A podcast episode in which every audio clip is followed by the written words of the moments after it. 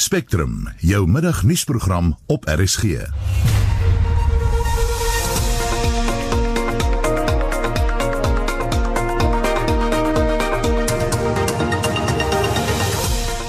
Welkom by Spectrum in vermiddag se program. Die kredietburo Experian is geïnfiltreer en die kontakbesonderhede van verskeie banke se kliënte is uitgelek.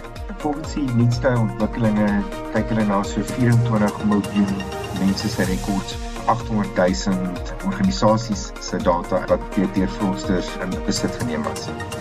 Die organisasie teen belastingmisbruik sê die heraanstelling van Sandile Gumede is 'n klap in die gesig van Suid-Afrikaners en die aantal kinders wat deur treine getrap word omdat hulle op treinspore speel neem landwyd toe.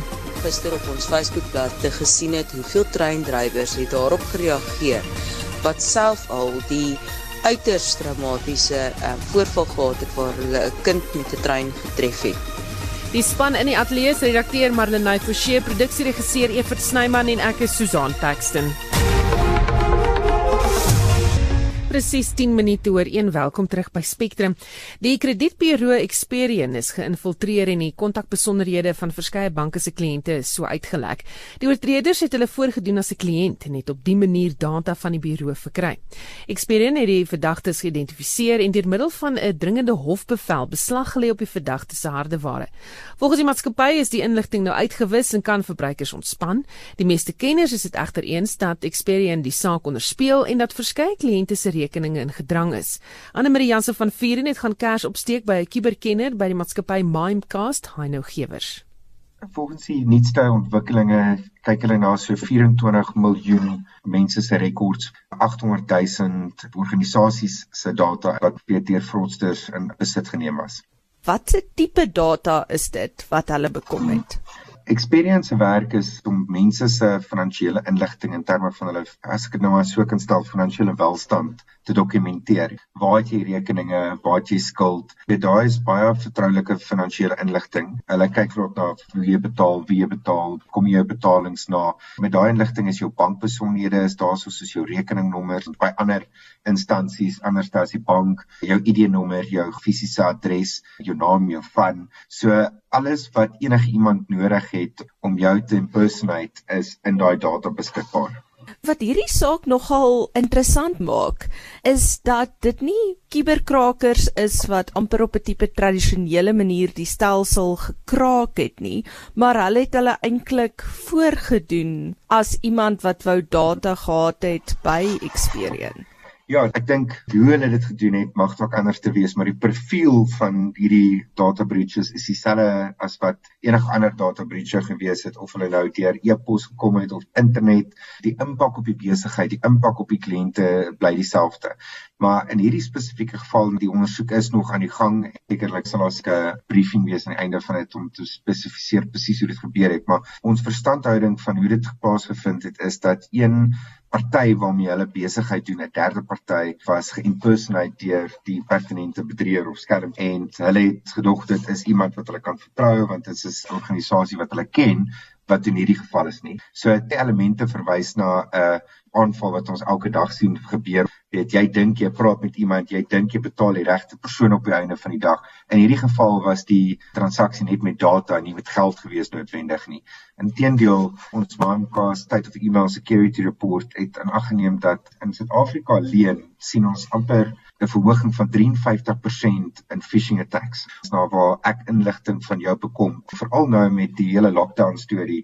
Natuurlik het ons 'n 46% verhoging in impersonation fraud gesien. Met, met ander woorde, waar mense ander mense impliseer of voor te gee hulle is iemand anders en dan sodoende data of geld bekom wat nie hulle sin is nie. So hoe kan ons onsself beskerm en waarvoor moet ons op die uitkyk wees? Ja, ek dink wat baie belangrik is dat almal moet aanvaar is dat gewoonlik as ons 'n data breach van so groot te sien, daai mense gebruik die data om iets anders te doen mee. So 'n groter aanval word nou later geloods op spesifieke individue. So wie se data hulle kan bekom. Onthou, hulle kan nou dadelik sien wie se ouens wat finansiëel wel af is, dit so kan stel en watter ouens is nou bietjie wat 'n moeilikheid het. So daai data gee hulle baie inligting oor waar hulle moet fokus vir hulle targeted phishing attack. So wat mense definitief moet op die uitkyk wees is wat hulle nou gaan doen is En dis gewoonlik nou maar die as hulle daai data bekom, gaan hulle nou kan besef, okay, so hy nie byvoorbeeld nou as by hierdie firma het hy 'n rekening, by hierdie firma het hy 'n rekening, hy skuld nog soveel.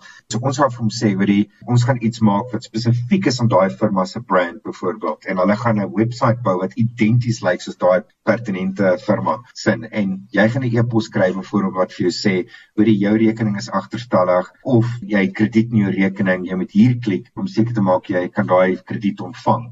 Hulle weet presies want sommige van jou persoonlike besonderhede gaan in daai e-pos wees. So jy argumenteer met jouself dat dit moet die company wees waarmee ek besigheid doen want ek bedoel hulle het my inligting en dis waarvoor mense baie versigtig moet wees. Ek dink nie dit is nou die uitsondering hierdie geval nie. Dit is oor die algemeen iets wat mense altyd moet doen en moet wees is moet nooit jou sensitief jou eie persoonlike inligting oor die foon of oor 'n SMS of oor 'n e-pos uitgee nie. Veral as hulle jou kontak. En dit is 'n ander storie as jy nou natuurlik iemand kontak. En as jy nie seker is nie, vra hulle hulle jou bel en sê hoor jy ons wil net verifieer dat dit wel jy is sê vir hulle eerder ek wil graag jou terugbel. Ek sal na die webwerf toe gaan en julle telefoonnommer daar kry byvoorbeeld. Die ander ding is dat 90% van hierdie aanvalle word geloods deur e-pos as jy 'n e-pos kry wat dit lyk soos iemand wat wat jy mee gewoonlik kommunikeer, maar die tipe spelling en die woordkeuses wat in die e-pos is lyk nie normaal nie, dan is dit meestal 'n aanval wat op jou geloods is. Experience Suid-Afrika het nou intussen aan die media bekend gemaak dat hulle bewus is wie die verdagte is en hulle het 'n Anton Piller bevel gekry wat hulle toegelaat het om sy of haar hardeware te konfiskeer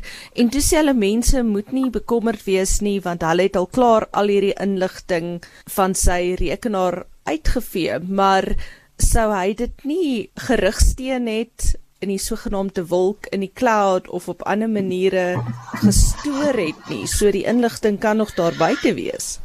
Dit is moeilik om te sê ek weet nie presies wat die ondersoek behels en tot hoe ver dit gaan nie, maar die ironie is elke dag ons as gewone gebruikers of gaan op die internet en ons kry hierdie aanbod wat heel aantreklik lyk en ons wil graag hierdie produk koop.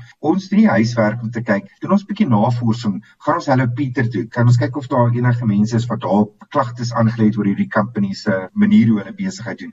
Mense doen nie meer daai huiswerk voor hulle besigheid op die internet doen nie. So hier nie is ons voel heel gemaklik dat ons elke dag ons data daar buite sit sonder om die nodige vrae te vra. En dit was 'n uh, kuberkenner by die maatskappy Mimecast, hy nou gewers en hy het met Anne Marie Jansen van Vieren gepraat. Die organisasie teen belastingmisbruik Alta sê die heraanstelling van Sandile Gumede in 'n regeringspos is 'n klap in die gesig van Suid-Afrikaners.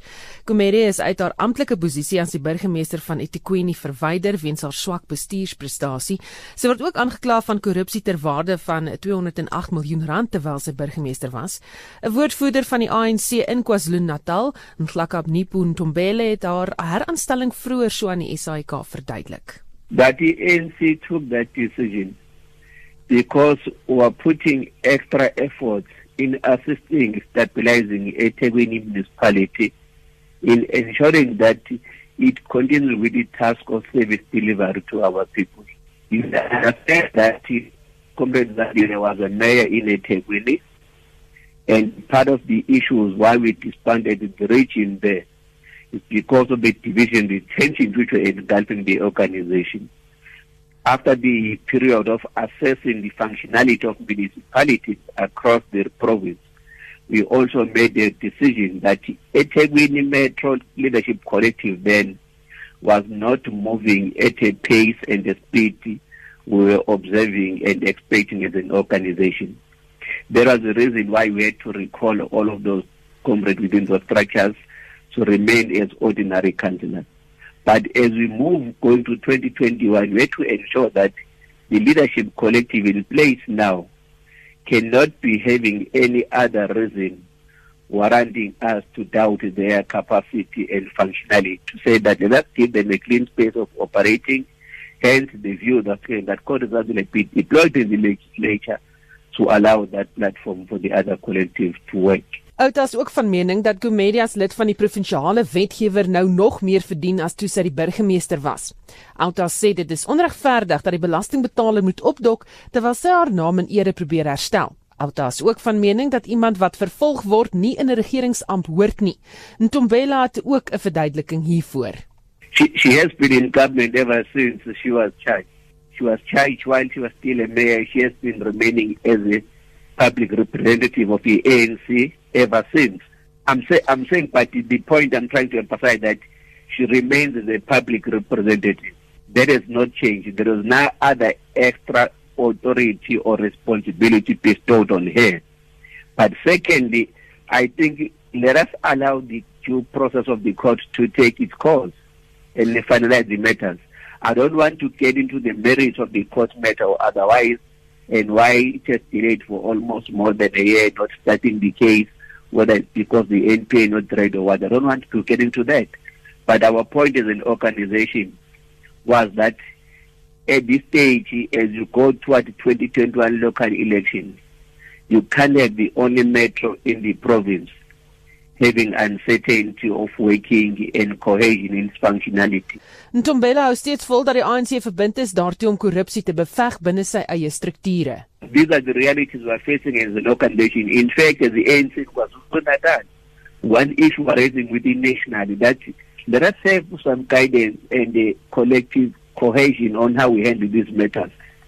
Because I think as an organization, indeed, we have found one thing on these issues that in some instances, how do we act on those matters as an organization? Do you speak with one voice on those issues? What are the implications thereof? So those are the issues which we have to navigate as an organization as we move forward.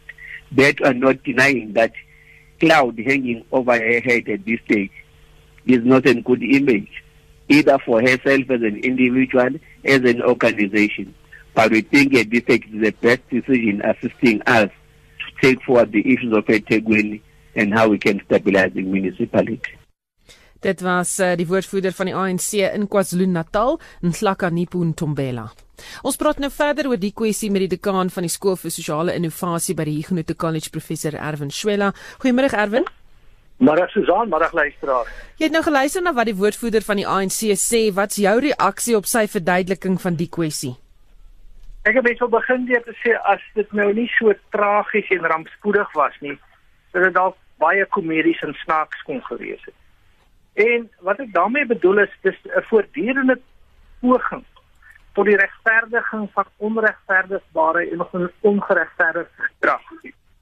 En nie net wat die regstegniese aspekte daarvan betref nie, maar ook die etiese aspekte en die morele aspekte.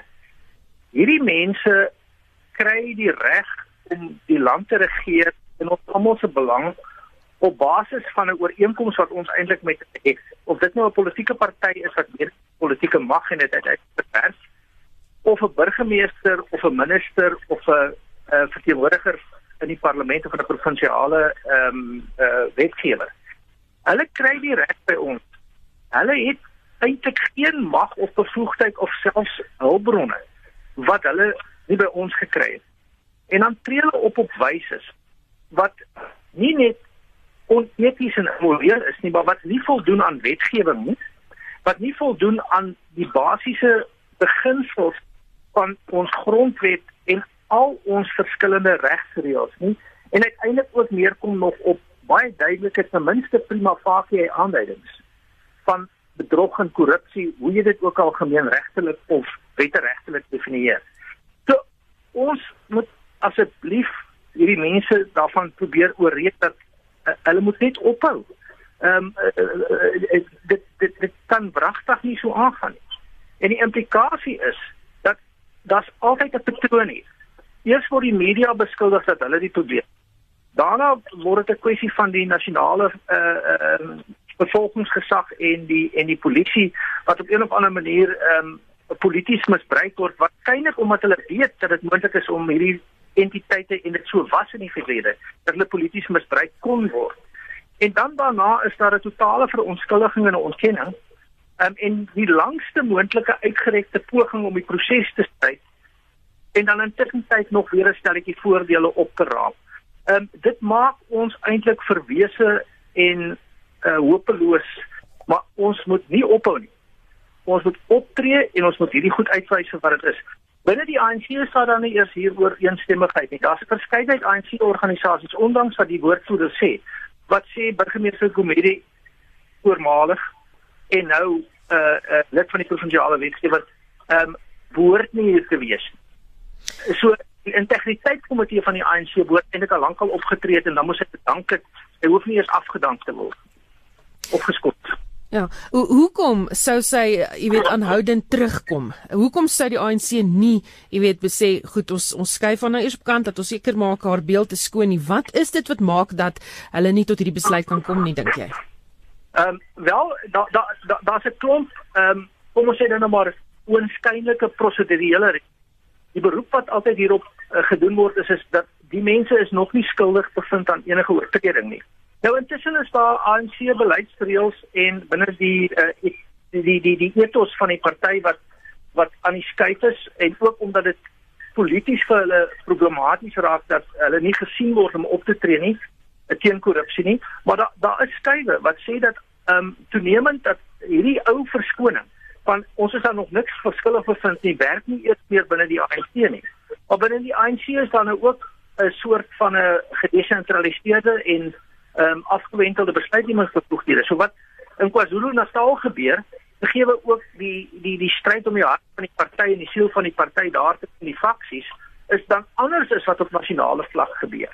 So die ANC sal ook weer eens in die gevalle 'n leierskapsruggraat moet laat groei en dan sê dat ons gaan konsekwent in alle gevalle optree soos ons eintlik ons beleid aan die verander. So die rede is dit hang saam met gebrekkige leierskap, gebrekkige etiese ingesteldheid, absolute opportunisme en uiteindelik dan 'n soort van 'n dubbelsinnigheid wat deur almal uitgebuit word om tot hulle maksimum voordeel te wees om die gevolge van hulle dade te ontkom en by ons aan te hou geld steel. Wat moet die samelewing nou doen om die ANC aan sy gewete te herinner? Ons moet meer en meer uitpraat. Ons moet meer en meer plaaslike verteenwoordiging kry.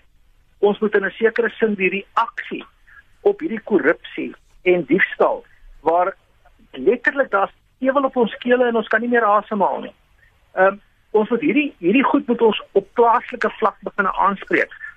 Onder andere is dit ook so, nou moet jy gaan kla by die stadsraad van Durban of eThekwini in Durban en jy moet gaan kla oor iemand wat korrup is, maar jy kla daar by die korruptes. So ons sal 'n gedesentraliseerde, aktivistiese, gemeenskapsgebaseerde respons moet kry op hierdie korrupsie. Dis iets waaraan ek op die oomblik persoonlik werk en wat ons probeer gaan probeer prototipeer um, ook onder andere by ons uh, sentrum vir goeie regering by by by die skool vir sosiale innovasie by Huguenot maar die mense sal moet praat. Maar nou die probleem is ook dat dit lyk asof ons so as gevolg van frustrasie is ons aan die soog ons is so oor siek en sat vir die goed dat ons later nie meer daaroor wil praat nie ons moet nie ophou praat nie ons moet aanhou praat die media moet aanhou die die, die hopelik die die die valke en en, en die wetstoepassingsagente moet moet arresteer en verhoor. Ons kan nie hierdie ding op die agterbaan skuif nie. Ons moet nou juis meer aktief raak. Baie dankie. Dit was die dekaan van die skool vir sosiale innovasie by die Huguenot College professor Erwin Schwella. Skuldbetalingsvakansies wat aan Suid-Afrikaners toegestaan is tydens die Grendeltydperk kan verbruikers duur te staan kom.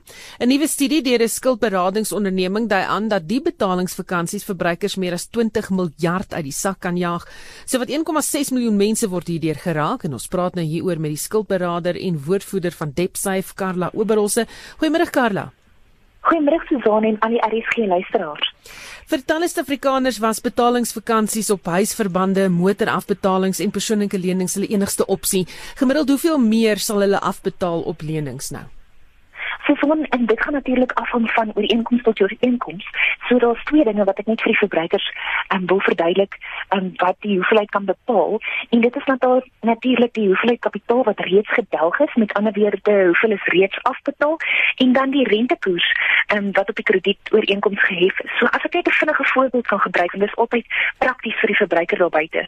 Um, as voorbeeld kom ons neem aan jy het 'n kapitaalbalans um, van sê 100 000 rand teen 'n rentekoers van 10% gekry en en dit was met prima plus 3.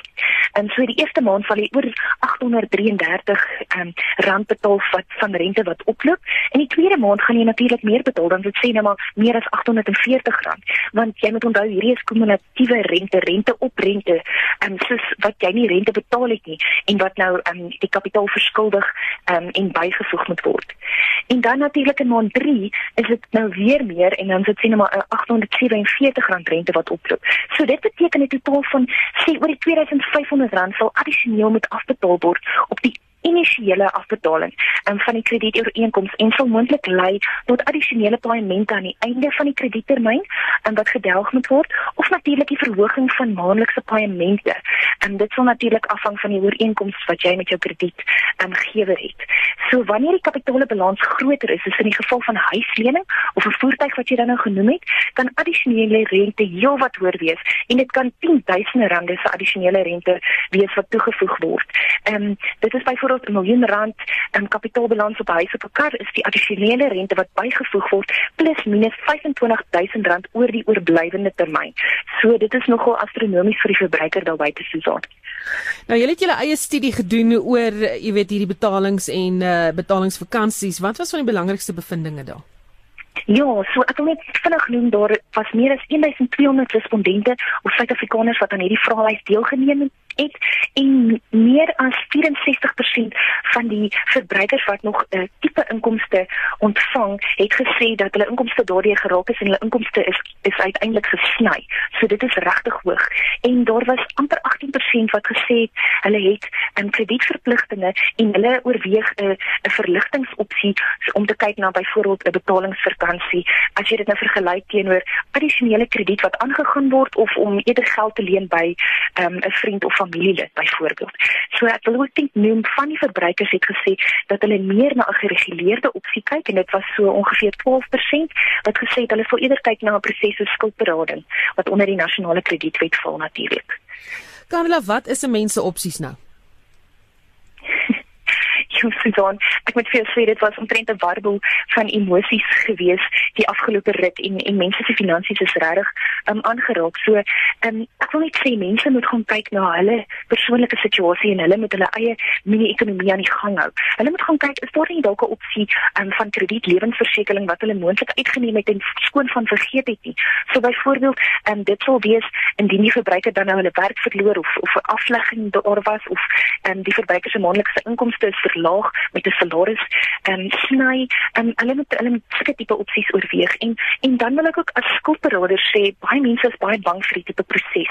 Um, ek dink is omdat hulle dit nie baie mooi verstaan nie en en ek sal hulle aanmoedig om eerder hulle huiswerk baie goed te gaan doen. En dit is nie skuldinvordering nie, dit is 'n um, skuldberading is 'n opsie daar gestel onder die nasionale kredietwet wat um, gereguleer word deur die nasionale kredietreguleerder. En dit is um, vir of vir mense wat nog 'n vorm van inkomste verdien. Dit kan ook natuurlik ehm um, jy weet 'n ters opsie wees wat mense nog ehm um, verdien en en dan kan hulle skuldberading oorweeg. Hulle bates word beskerm in die proses. Dis 'n gereguleerde proses, so ehm um, die beraader kan nie net doen wat hulle wil nie. En ja, weer eens soos wat ek gesê, die verbruikers moet hulle huiswerk daarom gaan doen om te kyk is dit 'n tipe opsie wat hulle nog kan oorweeg. En ek wil net vir mense sê, die belangrikste ding wat hulle in hierdie tyd nou moet doen, veral wanneer hulle skuld moet delg, is gaan praat met jou krediteure. Proaktiewe onderhandeling is altyd 'n goeie opsie en dit wys jy as verbruiker tree verantwoordelik op en proaktief op om iets aan jou situasie te doen, nie net vir jouself nie, maar ook vir jou krediteur. Baie dankie, dit was die skuldberader en woordvoerder van DebtSafe Karla Oberholse. Jy luister na Spectrum elke weekmiddag tussen 1 en 2. Nog in die program kommer oor gevaarlike kinderspeletjies op treinspore. So kind het nie 'n kat se kans nie. Enige persoon wat deur 'n bewegende trein getref word, het nie 'n kat se kans om te oorleef nie. Landbouorganisasies is opgewonde oor vooruitskattinge van 'n goeie oesjaar. Restaurant en kroegeienaars glimlag breed met die verskywing na vlak 2 van inperkings omdat hulle weer alkohol mag bedien. Maar is die verbod op die korrekte manier opgehef? We now have on-consumption outlets selling alcohol seven days a week till 10 p.m. Telling people to be responsible is simply not going to be enough. Bly ingeskakel. Daar is geen verkeer. In die Weskaap Kaapstad staan 'n voertuig op die N2 stad in by Jakes Gerwel Rylaan. Daar staan ook 'n voertuig op die N1 stad uit net voor Gielbason Rylaan in die linkerbaan en daar was 'n botsing op die N2 stad uit net na Botchet Quarry weg. Verskeie voertuie wat daarin betrokke is en dit is jou verkeersnuus. 1334 jy luister na Spectrum. Die BBC berig dat die owerhede in Florida in die FSA die vrylating van 750 miljoen muskiete goedgekeur het. Die muskiete is geneties aangepas om nie parasiete te kan dra wat dodelike siektes aan die mens kan oordra nie. Die projek beoog hulle om die muskietpopulasies wat wel die parasiete dra uit te wis. Verskeie omgewingsgroepe het gewaarsku dat daar baie onvoorsiene nagevolge van die projek kan wees. Hier op eie bodem word daar ook baie navorsing gedoen om die verspreiding van muskiete te beheer, veral die wat malaria versprei, sê Dr. Daneshka Kreer, navorser en koördineerder vir die Universiteit van Pretoria se Instituut vir Volhoubare Malaria Beheer. Van die grootste kommernisse op die oomblik um, met malaria is die weerstandbeenheid wat die malaria parasiet teen malaria teenmiddels ontwikkel het en dan ook natuurlik die um, weerstandbeenheid wat die um, insek self, die muskiete teen insekbeerders ontwikkel. Wat gebeur is daar word navorsing gedoen om aan alternatiewe ehm um, middels te kry om teen die parasiet dan te veg en dan teen die ehm um, weet insekbeerders vir die muskiet. Nou ehm um, ons navorsers kyk na verskeie ehm um, dinge as dit kom by malaria. Ons byvoorbeeld die ehm um, Instituut vir Volhoubare Malaria Beheer kyk onder andere na probleme soos uh, weerstand teen tyd. Hulle kyk na klimaatsverandering ensovoorts, maar ons het ons dis nie net alwaarop ons fokus nie. Ons het 'n hele transdissiplinêre navorsing benadering tot ehm um, ehm um, tot malaria om nuwe alternatiewe veilige en volhoubare tegnieke en strategieë vir beheer te ontwikkel. Wat is die nut van 'n muskiet? Ja, weet jy, ja, daai daai etiese vraag van van wat doen die muskiet en waarom? Um, kan ons net uitbring weet jy um, op die ou einde dink ek tog daar is 'n doel vir muskiet nê? Nee? um, ongelukkig. En um, ek is seker of van dis een of ander obskure ding.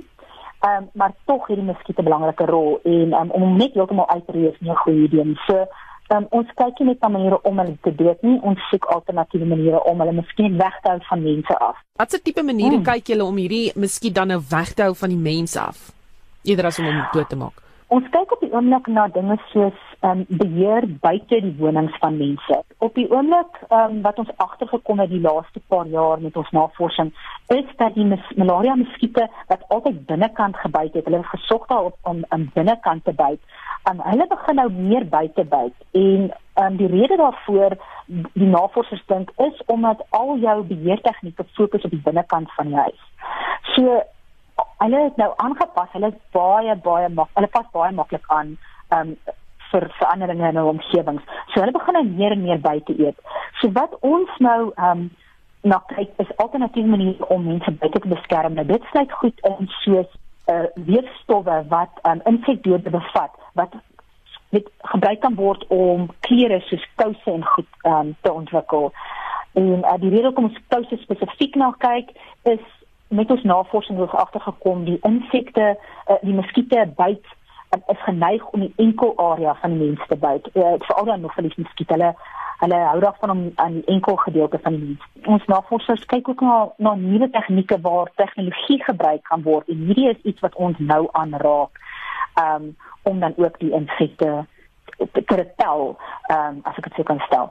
Ons kyk na lokvalle ons chemie kyk na sintetiese stowwe om muskiete te dit aan te lok na lokvalle toe of weg te stoot van lokvalle af. Nou die lokvalle kan uh, gifstof bevat as dit dan maar die muskiet moet um, doodgemaak word of as ons hulle net wil net wegstoot kan dit dan 'n uh, uh, afstootmiddel um, bevat wat dan die muskiet sal wegstoot van die mense af. So ons kyk na sulke dinge. Hierdie parasiet wat hy ronddra, wat se tipe navorsing doen julle daaroor? Ons ehm um, parasietbeheergroep ehm um, bestudeer die biologie van die parasiet en ehm um, wat dan gebeur is hulle gebruik hierdie hierdie wat hulle leer van die biologie. Hoe hoe leef die parasiet? Wat doen hy? Waar kom hy voor in sekere dele van sy lewensiklus? Hulle gebruik dit dan om nuwe teenmiddels of medikasie te ontdek en te ontwikkel om dan die um, oordrag van die parasiet te voorkom. Nou die parasiet se lewensiklus is baie kompleks en daar's verskeie stadia in hy um, in hy lewensiklus wat geteken kan word om dan te verhoed dat die lewensiklus vo, um, voortgaan. Nou een van hierdie is byvoorbeeld wat hulle noem die gametosites, die gametosiete. Nou ons ons navorsingsgroep het is is wat op die parasiet fokus is baie sterk veral as dit kom by die die oordrag van die gametosiete want die gametosiete is ja, is is is 'n baie baie belangrike deel om te teken. So hulle fokus baie van hulle tyd op maniere om te verhoed verhoed daai gametosied oorgedra word um, dan in in die lewensiklus. En dit was Dr Taneshka Kreer, navorser en koördineerder vir Universiteit van Pretoria se Instituut vir Volhoubare Malaria Beheer. Graanboere sê hulle verwag 'n bo-gemiddelde oes in Oktober. Vroeë oeskattinge toon dat vanjaar se oes heelwat beter gaan lyk in vergelyking met die oes in 2019, nadat vorige opbrengste erg geknou is deur die voortsleepende droogte. Die bestuurder van bemarking en ekonomie by Graan Suid-Afrika, Dr Dirk Strydom, sluit by ons aan met meer besonderhede. Goeiemôre Dirk. Goeiemôre Susan. Goed om weer met julle te gesels. Sê vir my hoe lyk die oeskatting vir 2020? Ja, ek dink die die oeskatting is ons is ons regtig bly dat dit 'n goeie jaar is vir produsente in terme van produksie. Ehm um, soos jy genoem het in die inset, ons het ons het regtig 'n paar moeilike jare wat ons deurgemaak het waar ons gesien het dat dat die droogtes ons bygekom het en waar ons baie keer bitter laat in die seisoen geplant het. Die seisoen was wel ook bietjie later in terme van van die afdroog van die seisoen wat nie wou wou wou vinnig genoeg plaasvind nie, so ons het baie laat gestroop. Ehm um, maar soos jy genoem het, dit is 'n dis 'n goeie oes dit, dit dit ons kyk so in die orde van die oeskatting van 15.5 miljoen ton. Ehm um, daar is wel so 'n bietjie van 'n bekommernis in in sekere gedeeltes van die land. Ehm um, is daar wel graderingsprobleme en ervaar ons 'n bietjie van dit. Ehm um, en dit is so 'n bietjie van 'n bekommernis want want dit vat nou so halfe 'n deel van daai opbrengs weg as jy as jy so gaan kyk daarna. Dit was wel 'n interessante jaar die ooste van die land het het het nie so goed gedoen soos tradisioneel nie. Ehm um, waar die weste van die land weer goed gedoen het, maar waar ek nou genoem het dat ons wel so 'n bietjie van 'n bekommernis het in terme van gradering. Ehm um, en net ons die laaste 2 weke gesien dat dit dat dit 'n regte lae syfers is in terme van graad 1 wat gelewer is. Ehm um, en en en nou ons dit fyn dop en is dit 'n bekommernis. Kan julle in die stadium al sê hoeveel van vanjaar se oes uitgevoer sal word en hoeveel vir binnelandse gebruik gehou gaan word? Ja, dit dis nog moeilik om om om die totale prentjie op die op die op die dag uit te sit. As ons net gaan kyk na hoe dit hoe die uitvoere plaasgevind het, is is dit is die mark goed op trek om te sê dat dit dat dit van vergelyking met ander jare is. Wat wel wat wel gesien is is is dat die die uitvoere na Afrika lande het het wel gestyg jaar op jaar basis. Ehm um, so daar's 'n goeie vraag omdat daar nie so goeie produksietoestande beleef was nie en met die COVID-19 saam is daar is daar groot vraag. Ehm um, en en dit kan ons sien na die uitvoere na Afrika toe, maar die seisoen is nog lank. Ehm um, die bemarkingsseisoen het is nog 'n lang end om klaar te maak so so ons hou duim vas dat die uitvoere kan aangaan. Die markte is oop, die markte wat ons kon oopgemaak het is oop. Ehm um, ons kyk ook wel is daar is daar aksies om te kyk watse markte kan ons nog oop nog oopmaak om ekstra geleenthede te skep, maar maar dit lyk goed tans in terme van van uitvoer op die stadium. Sou van jaar se beter oese verskil kan maak aan die groot skuld wat boere moes aangaan om te oorleef. Ja, dis 'n dis 'n baie interessante vraag en ek dink onlangs en en en Wefab se se se basisstudie wat hulle bekend gestel het kan mens daai effek ook sien veral in die weste het hulle het hulle dit uitgewys. En en die die nadeel is die die oorlaatskuld is so so hoog gewees van die vorige seisoene laat laat die seisoen wel bietjie help met daai oorlaatskuld. Ehm um, maar dit maak dit nie noodwendig altyd skoon nie. So ons sien dat daar nog steeds kontantvloei probleme ervaar word. Ehm um, en maar die oes help om van daai kontantvloei bietjie beter te kry. Ons hoop net regtig dat die produsente geleentheid van hier af kan kry om om bietjie 'n positiewe kont van kontantvloei scenario in te gaan. Maar as mens na die wêreld, die wêreldgraanekonomie tans kyk, is marges onder druk. Die wêreld het baie voorrade, ehm um, daar's daar en daar's goeie produksieverwagtinge in in lande soos Amerika tans. So so dit beteken die marges is min en daar's daar's min spasie vir foute. So effektiwiteit is aan die orde van die dag en gelukkig ons produsente is op die toppunt van effektiwiteit. Ehm um, maar maar die grasie vir vir pyne is min. Baie dankie dit was die bestuurder van bemarking en ekonomie by Graan SA Dr Dirk Strydom. Treindrywers op die KwaMashu roete in KwaZulu-Natal waarsku dat kinders 'n gevaarlike speletjie speel wanneer hulle met opset op 'n treinspoor gaan sit voor aankomende treine. Die vervoervakbond Unto het landwyd verskeie klagtes in die verband van hulle treindrywers ontvang.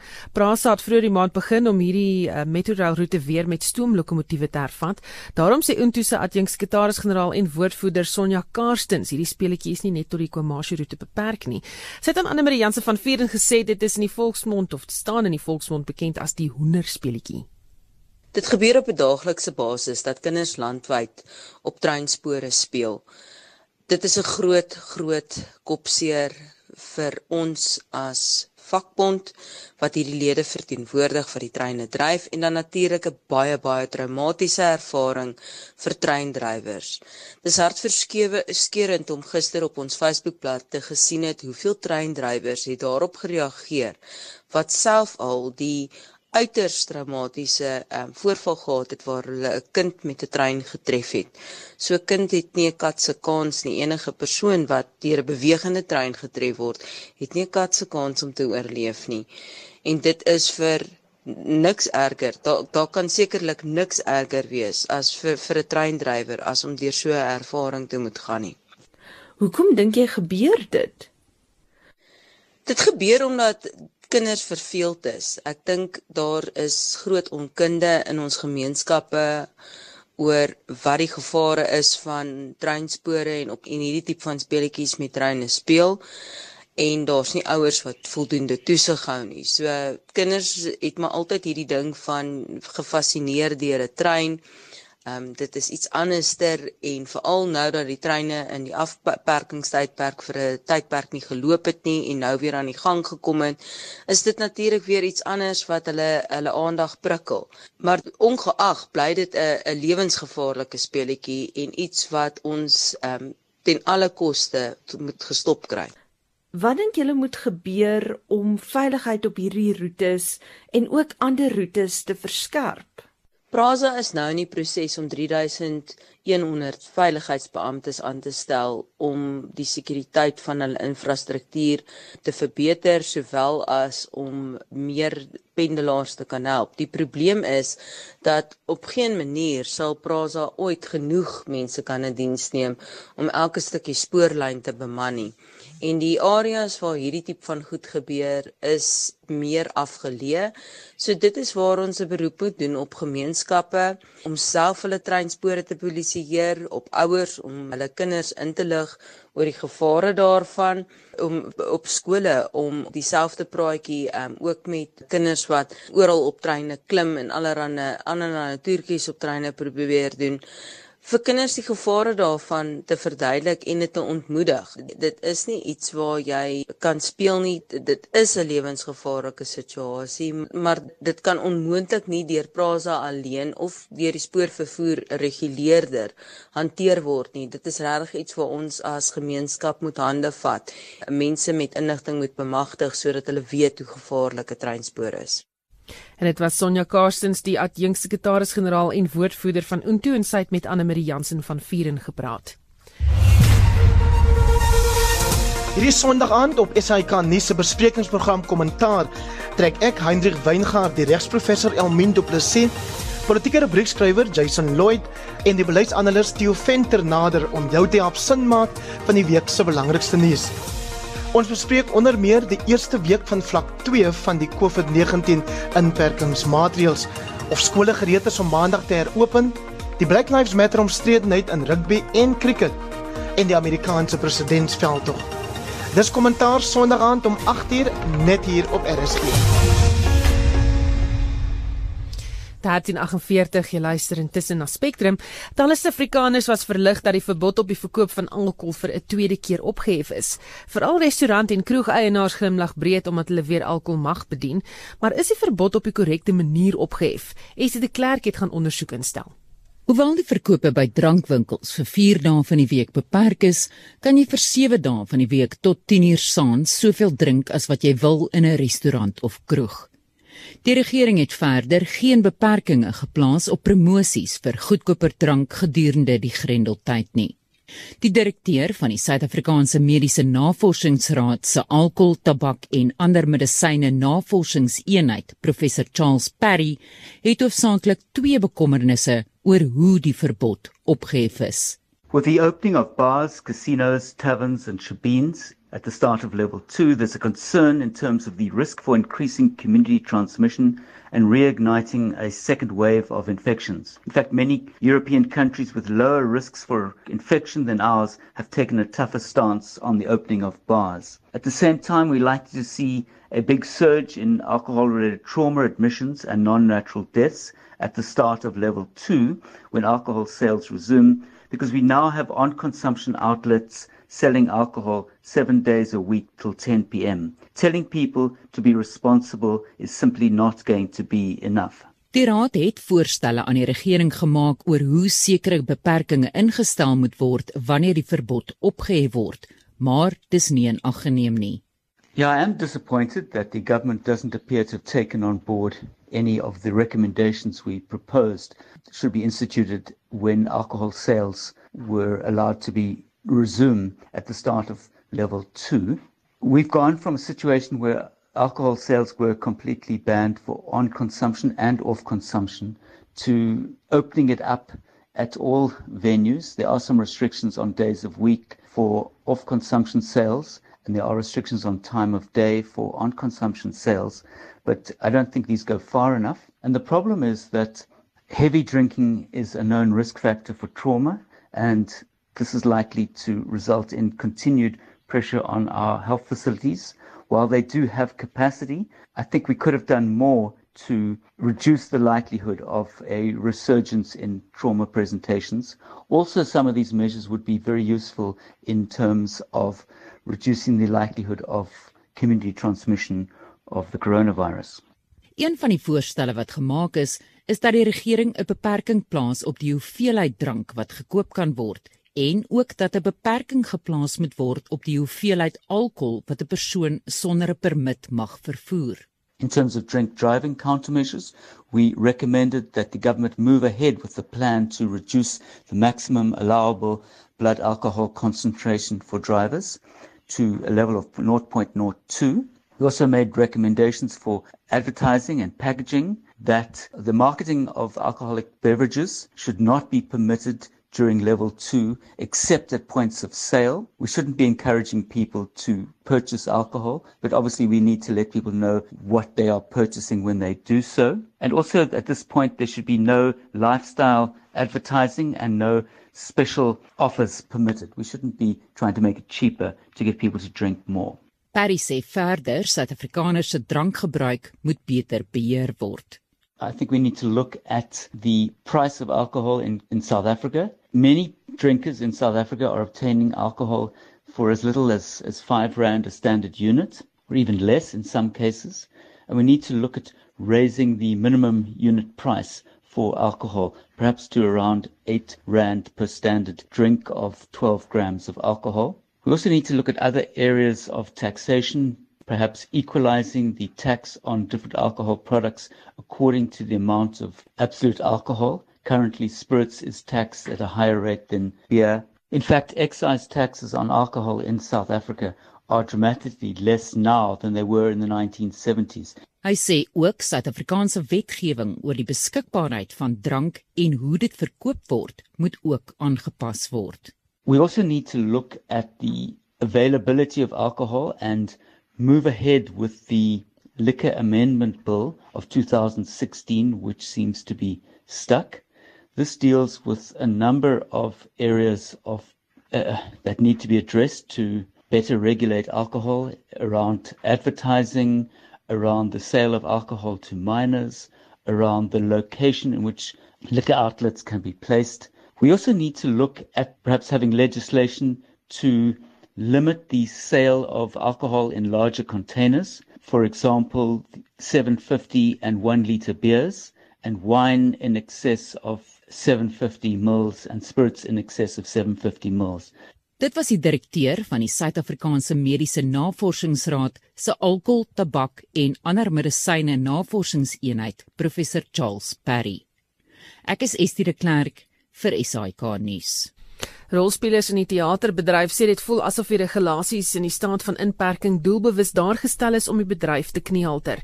François die bestuurshoof van Lefra Produksies het in 'n oop brief aan die president gevra dat die regering dringend met die bedryf in gesprek moet tree oor die kwessie. Ons het reeds 3 maande gelede 'n positiewe voorlegging aan die minister van Kuns en Kultuur gestuur om te bewys dat die 50 mense per teater glad nie lewensvatbaar vir enige teater kan wees nie. Daarom is teaters in die land nog donker of die meeste van die teaters is nog donker. Teatergangers is oor die algemeen baie gedissiplineerde wesens en juis daarom glo ons dat teaters en teatergangers alle COVID-19 reëls en regulasies sal nakom. Met die Pain South Africa Red veldtog het ek persoonlik 'n versoek tot die president gerig dat daar met teaters in gesprek getree moet word. Ons in die teaterbedryf glo dat indien ons 50% van 'n teater of 'n venue kan speel, dan het least kan ons dit lewensvatbaar maak en ons kan ook sorg dat daai teater of venue veilig is. Wat glad nie vir my sin maak nie, is dat daar 'n onbeperkte aantal mense in 'n winkelsentrum toegelaat word. Daar word hoeveel mense in individuele winkels toegelaat. Maar teaters en veral ook kerke word beperk met die absurde hoeveelheid van 50 mense. Dit maak glad nie sin nie. In Europa is die tendens tans dat daar 200 mense binnenshuis en 450 mense buitenshuis toegelaat word. Ook afhangend van hoe groot die venue is. Want wat in Europa gebeur is hulle kyk na elke spesifieke venue en dan sê die mense in beheer, hoor jy kan 200 of 300 mense toelaat. Wie het besluit op 50? Gaan nommer 51 ons aansteek. Dis asof teaters en die uitvoerende kunste totaal vergeet is Ons het reeds nasionaal en provinsiaal voorleggings aan die departemente van kuns en kultuur gedoen en hierdie voorleggings wat baie positief was, is totaal geïgnoreer en is werklik absurd om sport en kultuur saam te sit. En uh, ek het niks teen sport nie, maar dan moet daar in een departement moet daar werklik gekyk word na die toekenninge. Uh, ons almal weet uh, hoeveel borgskappe sport kry deur televisie en so meer terwyl individuele teaters geen maar geen subsidie van die staat of die regering ontvang nie. Swart sê die regulasies druk die kunstebedryf dood. Die minister van toerisme het met groot gejuig hierdie week aangekondig dat ons almal in die toerismebedryf moet probeer dat ons self weer toerisme aan die gang kry. Nou teater en die uitvoerende kunste speel 'n groot rol in nasionale en internasionale toerisme. Sover van April af is al die feeste gekanselleer. Ek praat van 4, 5 uh groot nasionale kunstefeeste wat werk vir ons in die teaterbedryf gegee het met absoluut geen hulp van die regering nie. Al die individuele teaters, die onafhanklike teaters wat vir geen jare enige subsidie van die staat of regering gekry het nie, maar wel vir jare 'n klomp belasting betaal het, kry geen hulp van die regering nie akteurs, tegnisi, musikante, skrywers, voorportaalpersoneel, kroegmanne, jy noem dit skoonmakers, almal sit sonder werk op hierdie stadium. Teater is 'n groot bedryf en word baie goed ondersteun in hierdie land. Ons as promotors en produksiehuise het salarisse om te betaal en al hoe ons daai salarisse kan betaal is as ons opvoerings kan doen en dat as mense kaartjies koop want dis ons inkomste. En sover kry ons werklik 'n baie positiewe terugvoering van die land se mense. Maak teaters oop, ons wil graag teater weer sien. Swart sê dit voel tans of daar 'n verskeidelde politieke agenda agter die regulasies is. 'n Mens sal nooit weet watter verskeidelde politieke motiewe daar agter skuil om teaters en kerke te beperk tot 50 mense, terwyl taksies volgepak sit, kroë volgepak word, restaurante volgepak word.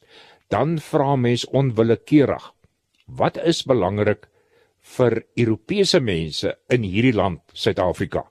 Natuurlik is kerk en teater en die uitvoerende kunste belangrik. So alhoewel ek geen bewyse daarvoor het nie, is die persepsie by my en ook by baie mense wat ek mee praat dat die regering moetswillig is met kerke en teater. Daar is geen sin om tans by die beperking van 50 mense te bly nie. Ek is tans besig met 'n oop brief aan die president om te sê dat hy die uitvoerende kunste in die land vermoor. daarmee saam is duisende akteurs, tegnisi, klank en beligtingmanne, regisseurs, skrywers sonder werk en het werklik nie kos om te eet nie sonder enige werklike ondersteuning van die regering. Dis totaal belaglik. Nou sê Winston Churchill het op 'n keer gesê dat 'n land se krag nie lê in sy weermag of sy ekonomie of sy politici nie, maar die krag van 'n land lê hoe sterk daardie land se kuns en kultuur is. Die vraag kom om om wonde by my op. Is ons regering nie besig om veral ons Europese kultuur op hierdie stadium te vernietig nie? En dit was die bestuurshoof van Lefra Produksies. Daarmee groet die Spectrum span. Ons redakteur vandag Marlenae Forsie, ons verslaggewers Anne Marie Jansen van Vieren en Essie de Klerk, ons produksieregisseur Evert Snyman. Onthou om ons op sosiale media te volg en jy kan weer na die program luister uh, op Potgooi. Gaan net na die webblad rsg.co.za. My naam is Susan Paxton. Geniet jou naweek.